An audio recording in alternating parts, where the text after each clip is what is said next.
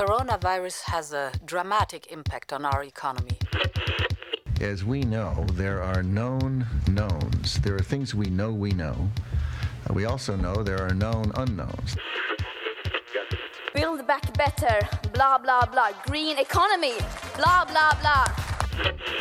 In diesem Sinne kann ich sagen, ja, äh, wir sollten alle Feministen sein. This footage from Al Jazeera purporting to show Taliban fighters inside the presidential palace declaring the Islamic Emirate of Afghanistan.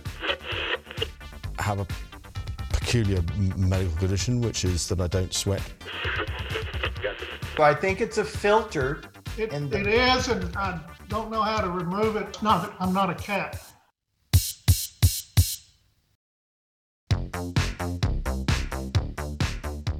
Þú ert að hlusta á heimskviður Í heimskviðum er fjallað um það sem gerist ekki á Íslandi. Ég heiti Birta Bjöstóttir. og ég heiti Guðmundur Björn Þorbjörnsson.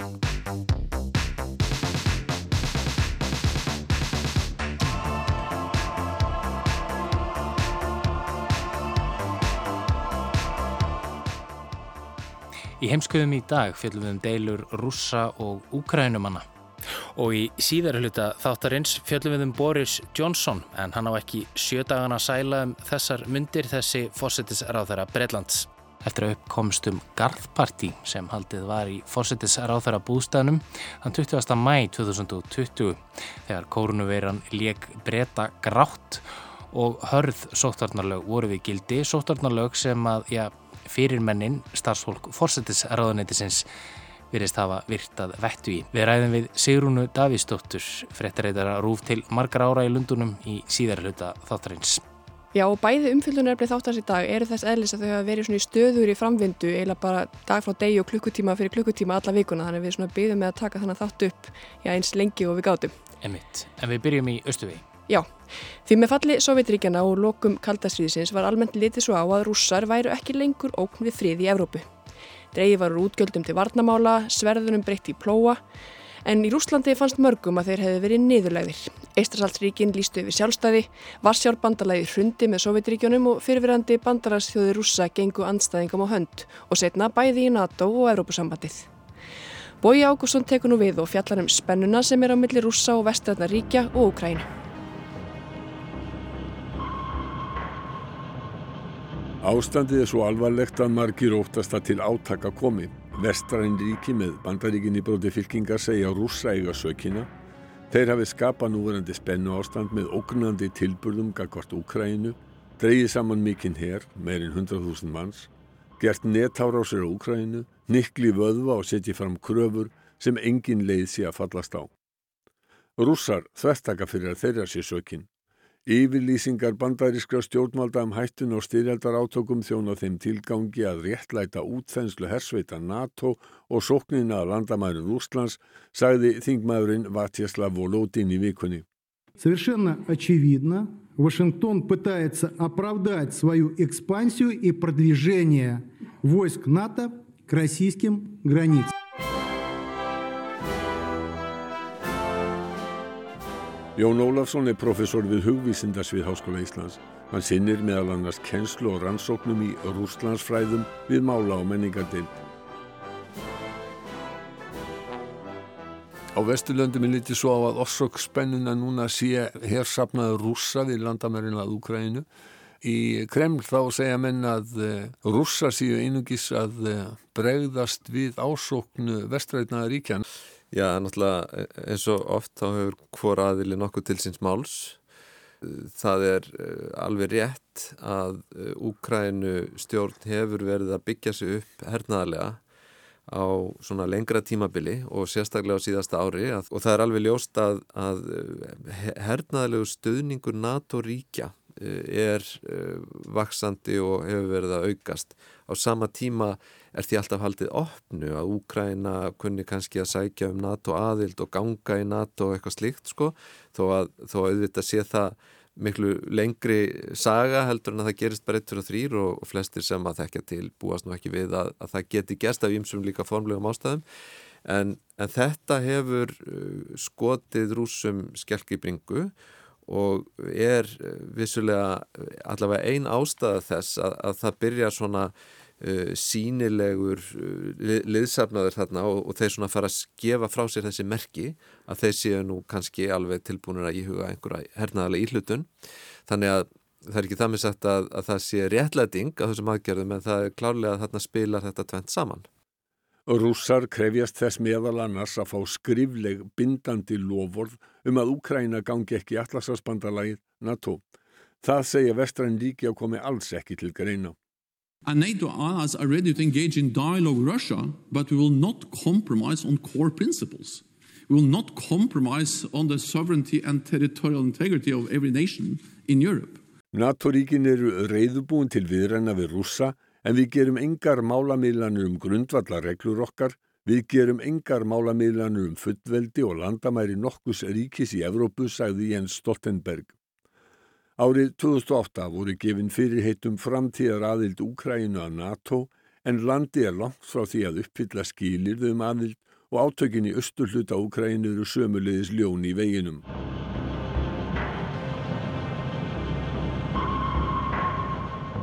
En nú hefur svo hernar aðstóð sem að Ukrænumenn hafa fengið verið í formi svo kallara varnarvopna. Þetta hafi ekki verið vopn sem að hægt er að nota til árása á Rúsland mm -hmm. og uh, rússar uh, eru, eru náttúrulega hafa verið með afskipti í nánast öllum grannríkjum sínum. Þeir hafa ráðist á Ukrænu.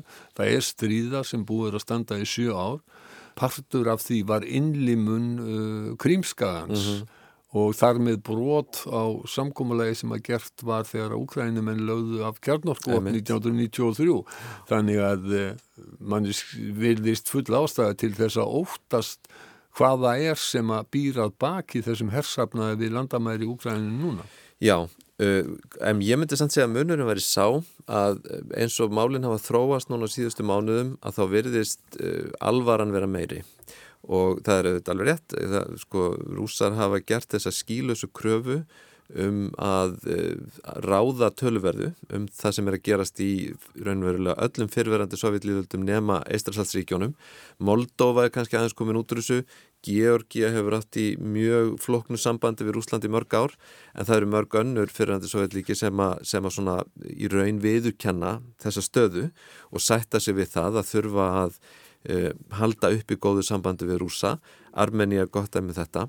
Úkrænumenn hafa náttúrulega ekki sætt sér við þetta og það hefur í rauninni verið má segja hálgert stríðs ástand á milli Úkræn og Rúslands alveg síðan 2014 síðan að rússar bara tóku krím og, og, hérna, og telja sér fullum rétti til þess en að sjálfsögðu er, er litið svo á í alþjóðlegu samhengi að þetta sé ekkit annað en hernaðarlega aðgerð og innlimun uh, hérna, hluta af Granríki og brota á, á Budapest samkómuleginu frá 1994 sem var skiptið gríðarlega máli bara um það að, að, að losna við kjarnorkuvopn úr ekki bara Úkrænu heldur líka Kvítarúslandi og Kazakstan eftir fall Sovjetríkjana. Eins og Jón segir gera rúsa skílösa kröfum að fá að ráða miklu í fyrverandi sovjetlýðveldum og með ekki til þess hugsa að Úkræna gangi í NATO. Aukinn stuðningur er við aðild að NATO í Úkrænu, meirinn helmingur landsmanna vill nú að landið gangi í NATO, en meiri hluti var því andvígur fyrir árás rúsa og innlimun Krímskagans 2014. Конечно, конечно, конечно, а почему нет? Öðvitað, öðvitað, af hverju ekki? Þannig svarar Júri Broskov þýðandi og eftirlauna þegi í kænugarði.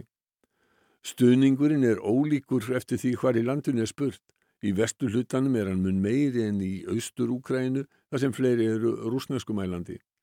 Frettamöðu sænska ríkisúttasins Jóhanna Milén rætti við Svettlönu sem býr í Mariupóli í austur Úkrænu á átakarsvæðum næri landamærunum við Rúsland. Hún er ekki fylgjandi aðelda NATO. 30 лет назад хотели быть самостоятельной державой, но почему не придерживаем? Мы просто доска, а по нам ходят. Best væri að við varum óháð öllum. Eftir fall sáðítirkjana er eins og við síum skákbord sem allir ganga á, sagði Svetlana. En hvað telur Rúslands frettamæðu sænska ríkisútvarsins að vaki fyrir rúsum? Af hverju hafa þeir aukið spennustíði svo mjög? Af hverju hafa þeir flutta minst og kosti 100.000 hermenn að landamærunum og sendt fimm landgönguskip út á Ístrarsalt. Jóhanna Melen segir að innanríkispolitiki í Rúslandi sé hluti skýringarinnar. Þetta sé hegðunaminstur sem að hafi fyllt Vladimir Putin frá því að hann komst fyrst til valda fyrir meirinn 20 árum að benda á erlenda ógn sem rússar verði að standa saman gegn.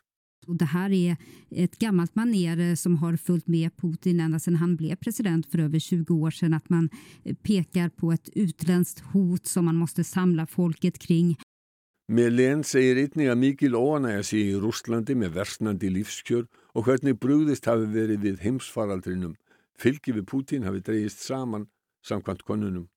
Det finns ett ganska stort missnöje med den ekonomiska utvecklingen, med covid-hanteringen och opinionssiffrorna dalar också för Vladimir Putin. Och vi närmar oss ett val om två år, ett ryskt presidentval. Och det här är något som man har sett tidigare när det börjar närma sig val. Forsetakostningar verði eftir tvö ár og Putin hafi áður sínt af sér svona hegðun þegar kostningar nálgast. Þá sé rættum að það verði að verja landið fyrir utan að komandi óvinnum Detta har vi hist 2014 þegar rússar innlimuðu Krímskaga. Man börjar mullra på det här sättet och visa att vi måste försvara oss utifrån en, mot en, en yttre fiende. Eh, och det var det vi såg 2014 också då när Ryssland annekterade den, den ukrainska Krimhalvön. Jón Ólafsson er ekki sammála því að Putin sé fyrst og fremst að hugsa um að ebla vinsældir sínar heima fyrir og segir að ástandi núna á 2014 þegar Krímskagi var innlimaður sé ekki að öllu leiti sambærilegt. Ég held ekki í þessu tilfelli. Krím var dálítið öðrísi vegna þess að það var alveg, alveg ljóst að það er yfirgnafandi stuðningu við að innan Rúslands að flytja það landsvæði inn fyrir landamæri Rúslands. Það var alltaf ljóst. Miklu floknara mál með Úgrænu.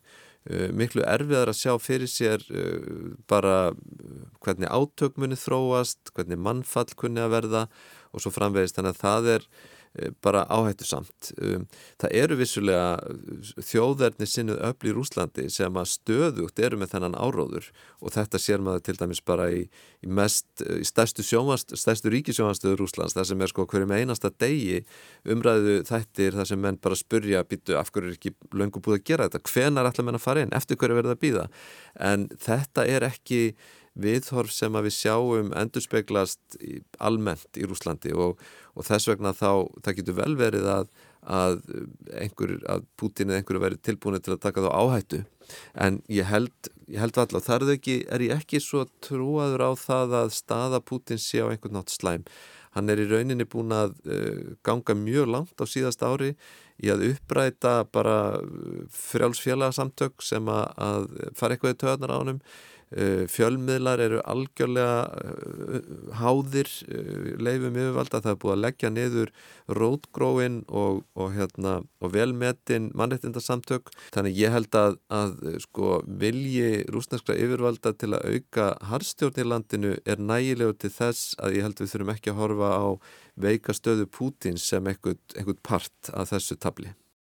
Jón benti á að Úkræna væri til umfjöllunar í umræðu þáttum í sjónvarpi en breska tímaritið The Economist segir að frétta umfjöllun sé öðruvís en 2014. Þá hafi áróðusmaskína ríkisfjölmila pískað upp mikla múksefjun gegn Úkrænu, nú sé lítið fjallað um Úkrænu í fréttum. Leðarhöfundu tímaritins velti fyrir sér, líkt og Jón Ólásson, hvernig átök gætuð þróast ef þau brjótast út. Einn möguleiki væri að rússar heldu einfallega áfram að gera það sem þeir hafa gert á laun í sjö ár, senda hermennin í héruðin Donetsk og Luhansk í östu hluta Úkræðinu og styrkja aðskilnaða sinna þar til að lýsa yfir sjálfstæði, líkt og gert var í Abkassi og Suður Ossetíu 2008 í átökum við Georgíu. Vestræni sérfræðinga telja allsherjar innrás og hernám Úkræðinu ólíklega, Jón Ólafsson er sammála því. Sko það að vera með hernámslið í vesturhjörðum Úkrænu, jáfnveil þó að það geti gengið austast í landinu, er fullkomin martröð fyrir rúsa. Það er, það er eitthvað sem engin vill, ekki einu svona sko hörðustu nasjónalistar í Rúslandi. Og okay. við gerum okkur, okkur oft ekki grein fyrir stærð Úkrænu. Nei, Þetta svo er er gríðarlega stórt, eins og Rúsland sjálft, að þá er Úkræna líka gríðarlega stórt svæði Já.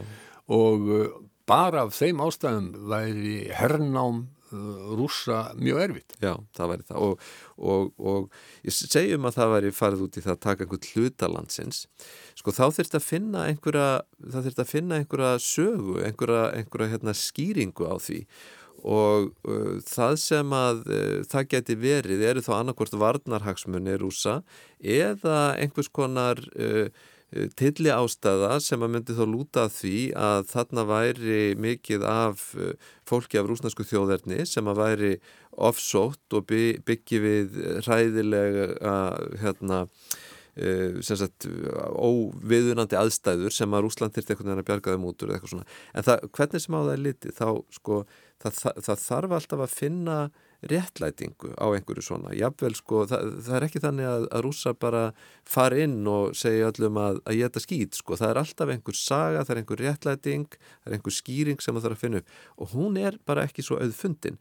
Og þess vegna þessi svona stegmögnun í, í, í mælskulistinni sem hefur verið upp á síðkastið hún er daldið áhyggjuefni vegna þess að, að rúsar er að setja fram skilirði sem að þeir vita sjálfur að þeir útilokað að gengið verði af eins og að fá skriflegar tryggingar fyrir því að Úkræna ganga ekki í NATO. Þannig að hvað eru þeir að pæla?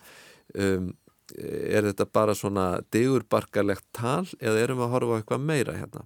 Og ég held kannski að maður þurfa að staldra við líka vegna þess sem hefur verið að gerast í Kazakstan. Að þar uh, hérna horfa menn upp á það að að mótmæli sem að, sem að stafa af, af orguverði og lífskjörum almennt þau verða sagt, stigmagnast þar og, og, og breyðast út um all landið og verða vopnuð. Og þarna horfa rússar á atbyrðarás í grannríki sínu sem að Putin hefur alltaf óttast mest af öllu þar sem að hann kallar yfirleitt bara hérna, appilsínugula ástandið með vísun til þess sem gerist í Úkræni 2004 og, og það, þannig að þar var alveg ljóst að það þurfti að breyðast snögt við.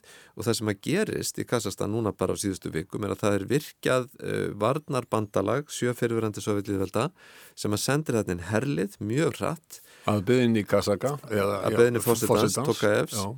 og Og, og, og stendur þar með kassaskum öryggisveitum að bæla niður allir þessi mótmæli og svona koma ró á og fara svo út aftur þegar við farnir aftur. En þetta breytir aldrei stöðinu vegna þessum leið og, og þetta hefur gæst að þá sér maður kannski betur hvernig uh, sko rússar sjá öryggishagsmunni sína og í rauninni kannski bara pólitiska hagsmunni líka mjög tengda við það að þeir geti verið algjörlega öryggir um þjóðfélagsástandið í þessum löndum í kringum sig.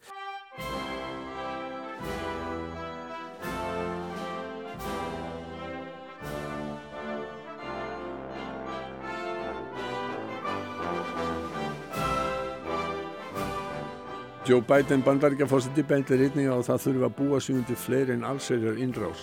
Rúsar hafi löngum beitt öðru en hreinum hernaðaraðgerðum þegar þeir hafi ráðist gegn öðrum. Óópin beru herliði og hermönnum sem ekki hafi klæðist einkennisbúningum sínum.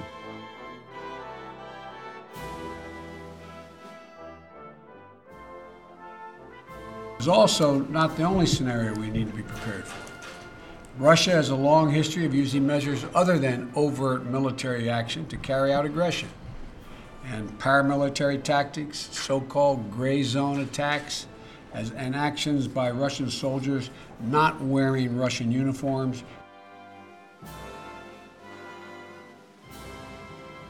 Það hefur verið mikið um fundi vestrætna ráðamanna í vikunni.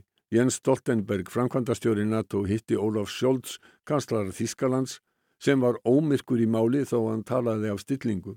Wir erwarten von Russland, dass es die Lage deeskaliert. Dazu könnte zum Beispiel auch eine Reduzierung der Truppen an der ukrainischen Grenze gehören.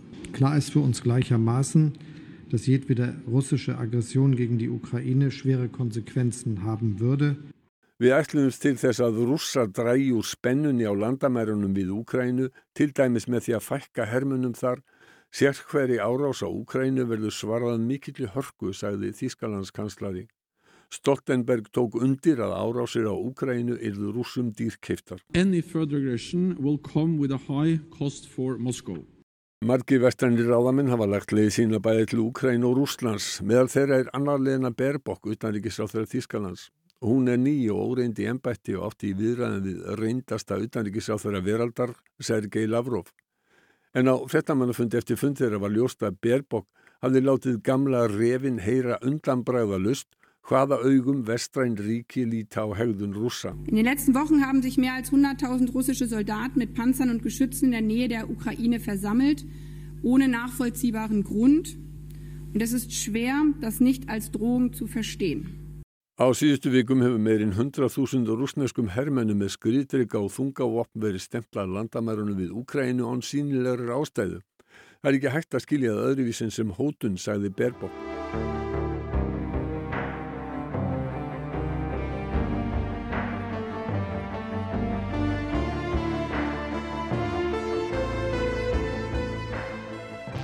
Rúsa líta svo á að þeir hafi öldum saman mátt þóla árásir úr vestri Á átjándu öld voru það svíjar, á nítjándu öldinni frakkar og á þeirri 20. stuð réðust þjóðverðar tvísvarinn í Rúsland.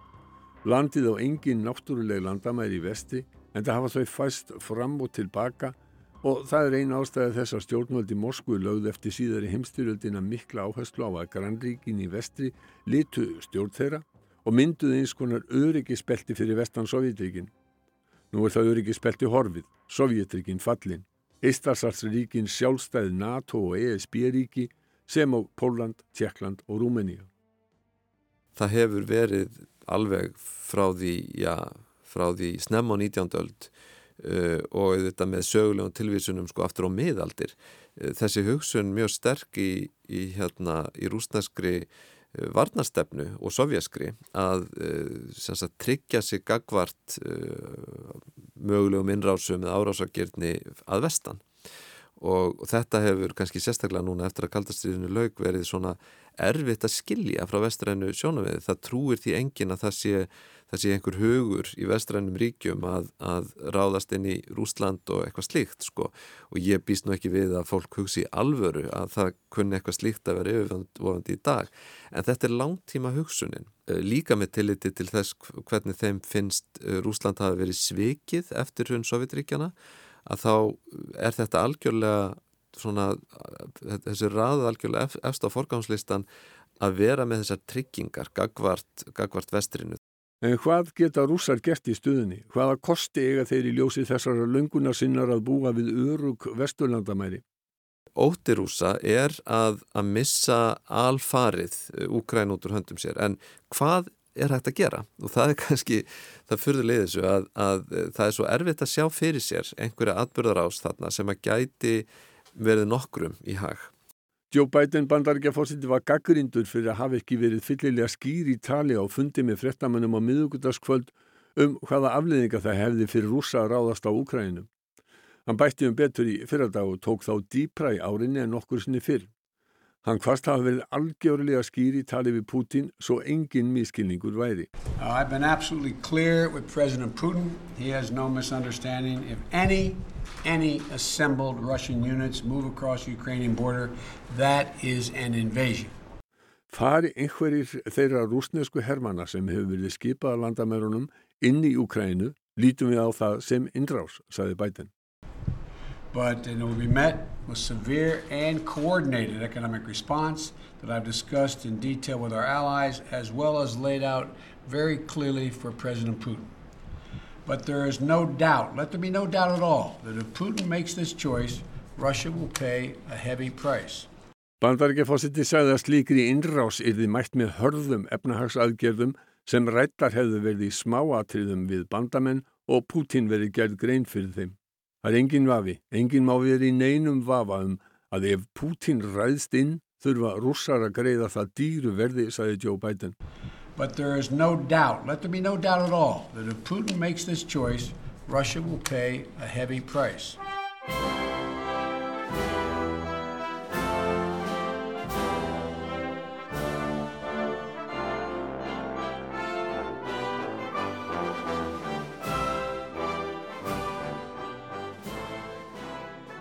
En þá höldum við til Bretlands.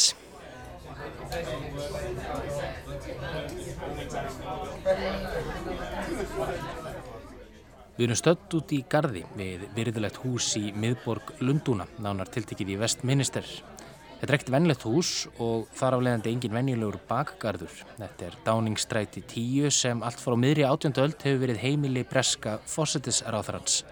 Þá er húsið einnig höfustöðar Bresku ríkistjónarinnar. Frá 2019 hefur Boris nokkur Johnson, fórsetisar á þeirra, búið í húsinu. Það er hlýtt í veðri. Breska vorið í hámarki og sumarið á næsta leiti eftir erfiða mánuði í breskum stjórnmálum. Brettar höfðu nýlega gengið úr Evrópusambandinu og heimsfaraldur koronaveiru leik landsmenn grátt. Þegar þarna var komið við sögu hafði fyrsta bylgja koronavirunar lagst þungt á breyta. Yfir 30.000 höfðu látust úr COVID-19 í landinu á aðeins nokkrum vikum og breska heilbriðiskerfið NHS að þrótum komið. Og það sem meira er, þá er samkomi banni gildi í Breitlandi á þessum tímapunkti líka auðandýra. Þrátt fyrir það eru þarna saman komin að minnstakosti á 50 starfsmanna breska fósættisraðuneytisins. Þeirra meðal eru sjálfur fósættisraðþarann Boris og eiginkona hans, Kari Johnson.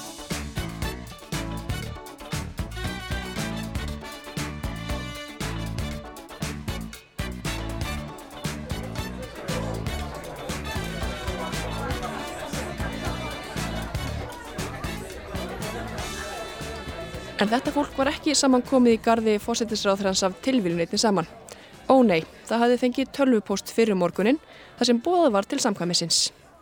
Hæ öll, eftir allan hennan ótrúlega langa og erfiða tíma teljum við að það væri skemmtilegt að gera eitthvað gott úr þessu fína veðri og fá okkur nokkra drikki í hæfilegri fjarlag frá hvort öðru í gardinum við númið tíu í kvöld. Endilega komið upp úr klukkan 6 og takkið með ykkur ykkar eigið áfengi. Bring your own booze.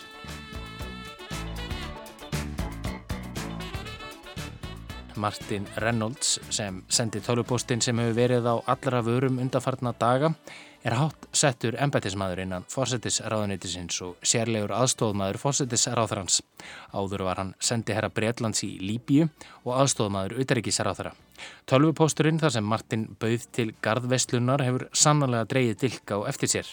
En það leið þó eitt og hálft ár frá því að Martin sendi póstinn og gardvestlan var haldinn þar til málið komst í hendur fjölmiðla. Þann 10. janúar síðastliðin var skjáskoti af tölvupostinum lekið til bresku frettastöðurinnar ITV News. Frettastofan greindi frá því að yfir 100 manns hefði fengið bóðið og fjórðartug hefði mætt. Aðeins klukkustund fyrir samkomuna þann 20. mæ hjælt menningamálaráð þegar hann Oliver Dowden bladamannafund þar sem hann áréttaði við bresku þjóðuna að fólk mætti aðeins hitta einn utan heimilisins utan dýra og að gæta yrði tveggja metra fjarlæðar. You can spend time outdoors and exercise as often as you like, and you can meet one person outside your household in an outdoor public place, provided that you stay two meters apart. Opp og sí, þið megið fara út og hreyf ykkur, hitta eina mannesku, en gæta að tvekja metrarreglunni. Já, þetta voru sett skilabúðum til Bresks almennings, en ekki til starfsmanna Breska fósættisraðuneytisins. Því var búið í partí. Síðan þessum upplýsingum var lekið til ITV News hefur Boris Jónsson, fósittisræðara, varist ásökunum um vítavert gáleysi og brota á sóttanarreglum með kæfti og klóm. Við slóma þráðan til Sigruna Davísdóttir, fréttarítara rúf til margra ára í Lundunum og spurðum hana um hver fyrstu viðbröð fósittisræðarans hefði verið. Nei, nei, þetta var ekki veistla, heldur bara fólk að vinna. Það sást þó engin vinnugögn, engar fartölfur eða pappýrar, bara matur og drikkur og fólk að tala saman.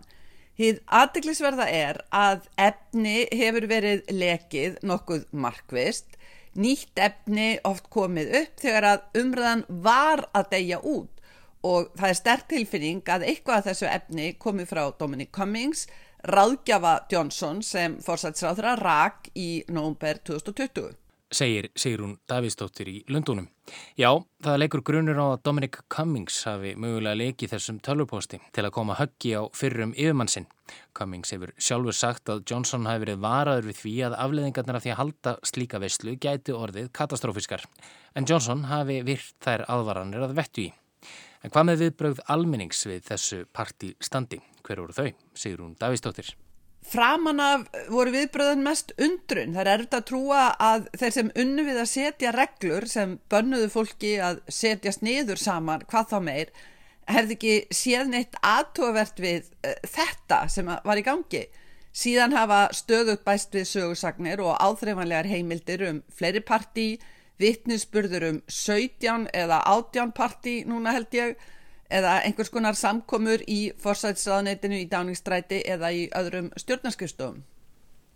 Já, þar voru vist fleirin einn og fleirin tvær visslur hátt settra stjórnmálamanna og meðan breskur almenningur sætti hörðum samkomutakmarkunum. Í desember var greint frá því að starfsmenn fórsættisráþrans hefði haldið nokkrar samkomur í nóvember og desember 2020, einmitt þegar útgöngubann var í landinu. Það er kannski skiljanlegt að breskur almenningur hafi ekki tekið vel í þessa fréttir. Yfir 150.000 manns hafa látist í Breitlandi að völdum COVID og mörg ekki geta sitið hjá ástunum sínum þegar þau gáða böndina vegna COVID og svo hefur fólk þau að sæta miklum öðrum frælliskeiningum. Flest döðföllin hafa verið þegar fólk mátt ekki hittast. Það eru margar átakalega sögur um fjölskyldur sem mátt ekki heimsækja döðvona ættingja, hvort sem það var vegna COVID eða öðrum völdum. Gamalt fólk á elliheimilum eh, sem mátt ekki heimsækja mánuðum saman. Þetta er allt saman afar átakalegt og uh, þess vegna fyrir fólk að sjá makalust kæruleysi og hyrðuleysi, fórsætsráðra og náina samstarfsmanna hans varðandi samkumhöft. Og almenningur á göttum Lundúna vanda fórsetisar á þeirra ekki kveðirnar eins og þessi ungi maður sem líkti Johnson við trúð í þeim sirkus sem breska ríkistjónin er. I think the government at the moment is a bit of a circus to be honest and Boris Johnson is very incompetent, he's a class clown, that's what I think.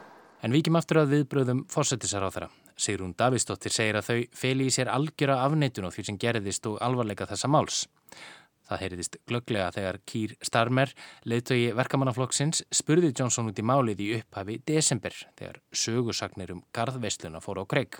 Was a Christmas party thrown in Downing Street for dozens of people on December the 18th? What I can tell the right honourable gentleman is that uh, is that all guidance was followed uh, completely during number 10 and can I and, and can I can I recommend uh, to the right honourable gentleman that he does uh, the same uh, with his own Christmas party which he's advertised uh, for December the 15th for which to which unaccountably he's failed to invite the the the, the deputy leader Mr Speaker Eins og heyra má sakaðan Starmer sjálfan um að hafa búið til veistlu og glemt að bjóða sjálfum varaforman í flokksins í partíið. Fyrstu viðbröð fórsætsráð þeirra eru alltaf að neyta öllu neikvæðu og hann gerði það sama þegar partísögurnar komu upp á yfirbörði. Nei, nei, enga samkomur, svo enga reglur brotnar og svo kom þessi, komu þessi ótrúlegu svörans í vikunni þegar voru komnar óíkjandi sannanir um veru hans í einu partíinu og þá var svarið að nei, það hefði enginn sagt honum að þetta mætt ekki.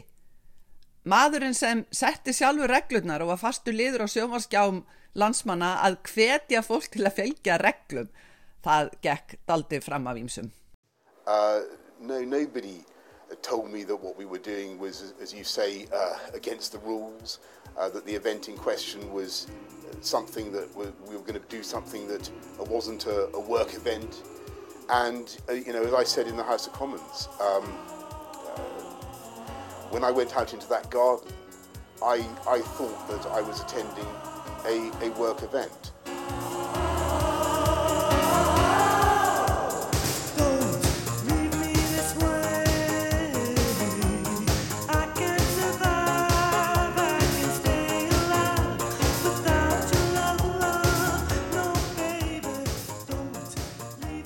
Já, ef á öllum vinnufundum væri nú brennivín og snittur þá er ég gaman að vera til. Enginn sagði mér að þetta væri partí, sagði Boris Johnson í vikunni. Ég held ég væri að fara á vinnufund.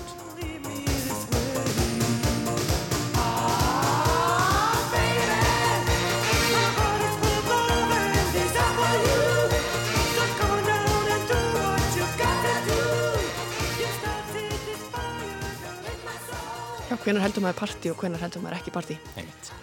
En hvernig hefur breska þingið tekið að málunu? Það hafa verið fyrirspurnir í þinginu þar sem Johnson hefur verið spurður út í málið og líka aðri ráþeirar. Það er hins vegar ekki þingið sem er að rannsaka málið, heldur er það embætsmaður Sue Gray. Hún er í raun undirmaður fórsatsráþara og það er hún sem á að sapna efni bæð með því að yfirheyra fólk og uh, sapna uh, efni á öðru formi. Það er búist við hennar niðurstöðu næstu viku og talaði miðguta núna en hennar rannsókn hefur reynst mun viðfæðmari en var talað um í fyrstu þegar var talað um kannski eitt hugsalega tvöparti, ekki 17 eða 18 eins og núna er talað um. Segir Sigrun Davíðsdóttir. En Boris Jónsson hefur nú áður komist í hann krappan á fósættisráðarastóli en nú er hann sem aldrei fyrr og þá er nú mikið sagt. Er líklegt að hann standi þetta af sér? Það er orðið ósannilegra að Johnson muni leiða flokkin í næstu kostningum sem ætti að verða í síðasta lagi desember 2024 en hvenar hann gæti mögulega oltið af stólnum er önnur saga. Það er sterk undiralda gegn honum í flokknum andofið að hluta leitt af nýjum íhalsþingmönnum sem voru kostnir í kjördæmi þar sem verkamannflokkurinn hafði áður undirtökin. En eitt er að þvinga fram kostningar um leðtugan í þingflokknum, annað að Jónsson tapi þeim kostningum meðal annars að því það er engin klár arftæki. Teresa May, forverans, lifði til dæmis af slíka atkvæðagreyslu. Það var mót, mótvindur í flokknum eða and, uh, það var andof gegnin í flokknum en, en hún lifði af slíka um, atkvæðagreyslu.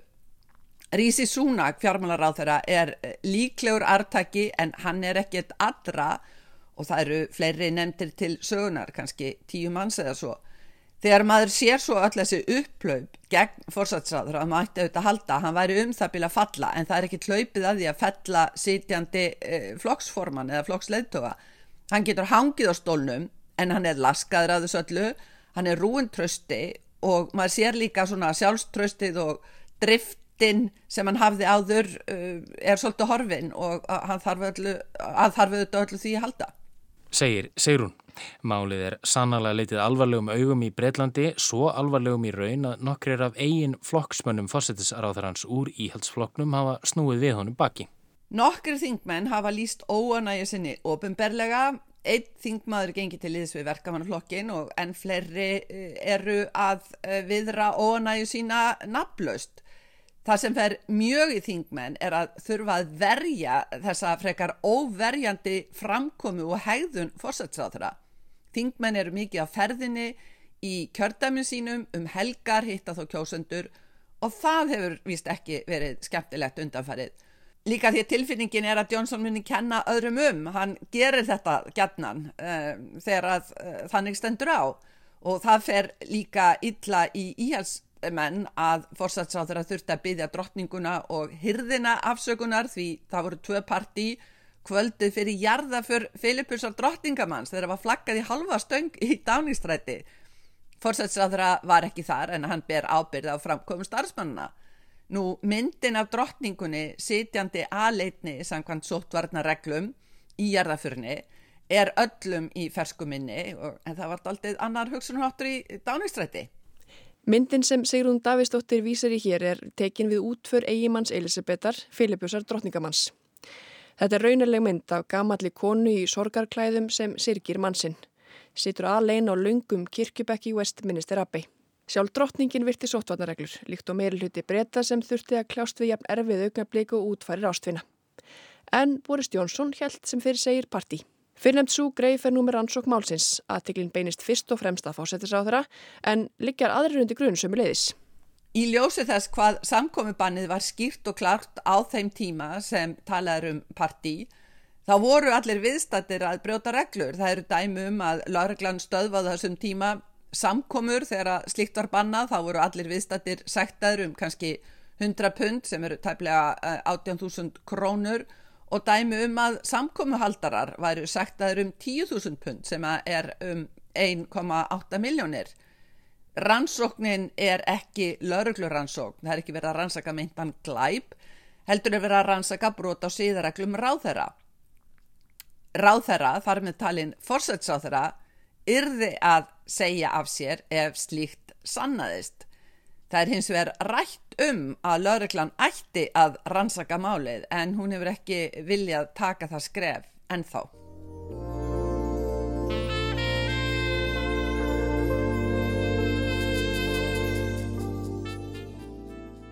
Tímin einn verður að leiða í ljós hvort gleðimadurinn Boris Johnson standi þennan storm af sér eða hvort hann þurfi frá að hverfa. Þólinn mæði Bresks almennings veriðist að þrótum komin og þá er verðt að spyrja Sigrunni Davísdóttur á lokum hversu við megum vænta og hvar þetta mál er allt saman statt núna. Málið er í byð, það er verið að býða eftir þessari skýslu Súgrei sem kemur vantalega í næstu viku Forsætsráðurra hefur sagt að niðurstöðnar verði byrtar, svona aðeins óljóst hvort hann lætur sjálfur skrifa niðurstöðnar eða byrtar einhvern úrdrátt sem muni fylgja eða, en það verða ljóstlega ákafar óskerum að hver einasti stafkrókur verði byrtur, ekki bara valdi kablar. ef forsætsráðra lifir þá umfjöllun af þá er næsti hjalli fyrir utan auðvitað, allt mögulegt óvænt sem getur gerst, næsti hjallin er sveitastjórnarkostingar í mæ ef þær ganga vel þá geta óanaður þingmenn ekki mikið sagt ef ekki þá verður rifjað upp hvernig er best og fljótlegast að losna við leðtóan og á meðan hafa auðvitað hugsanleir eftirmenn tíma til undirbúnings þannig að nei, þetta er ekki búið, þetta er bara kapli í sögunni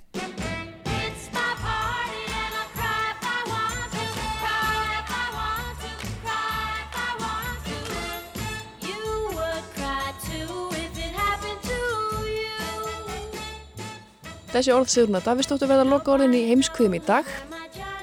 Við heyrumst aftur í næstu viku og þökkum þeim sem hlýtum.